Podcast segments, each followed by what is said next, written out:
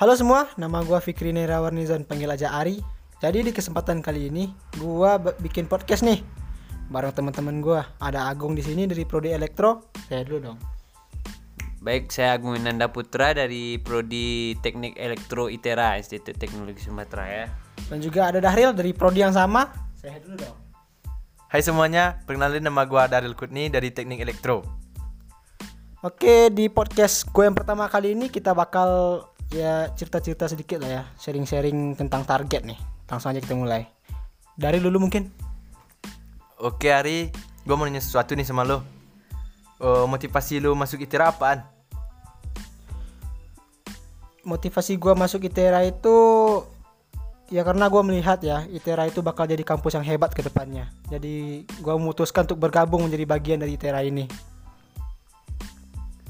Terus apaan sih yang lo yang lo harapkan atau yang harus lo capai dalam target yang harus lo, lo capai dalam target buat ke depannya satu tahun atau dua tahun ke depan lah Yang pastinya belajar dulu sih yang giat ya.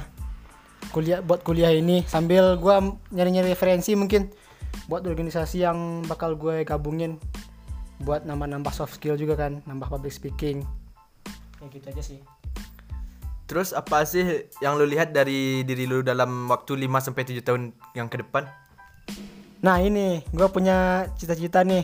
Buat habis kuliah gue mau daftar di itu perusahaan luar negeri. Soalnya gue pengen banget tuh kerja di perusahaan asing sambil jalan-jalan ke luar negeri ya kan?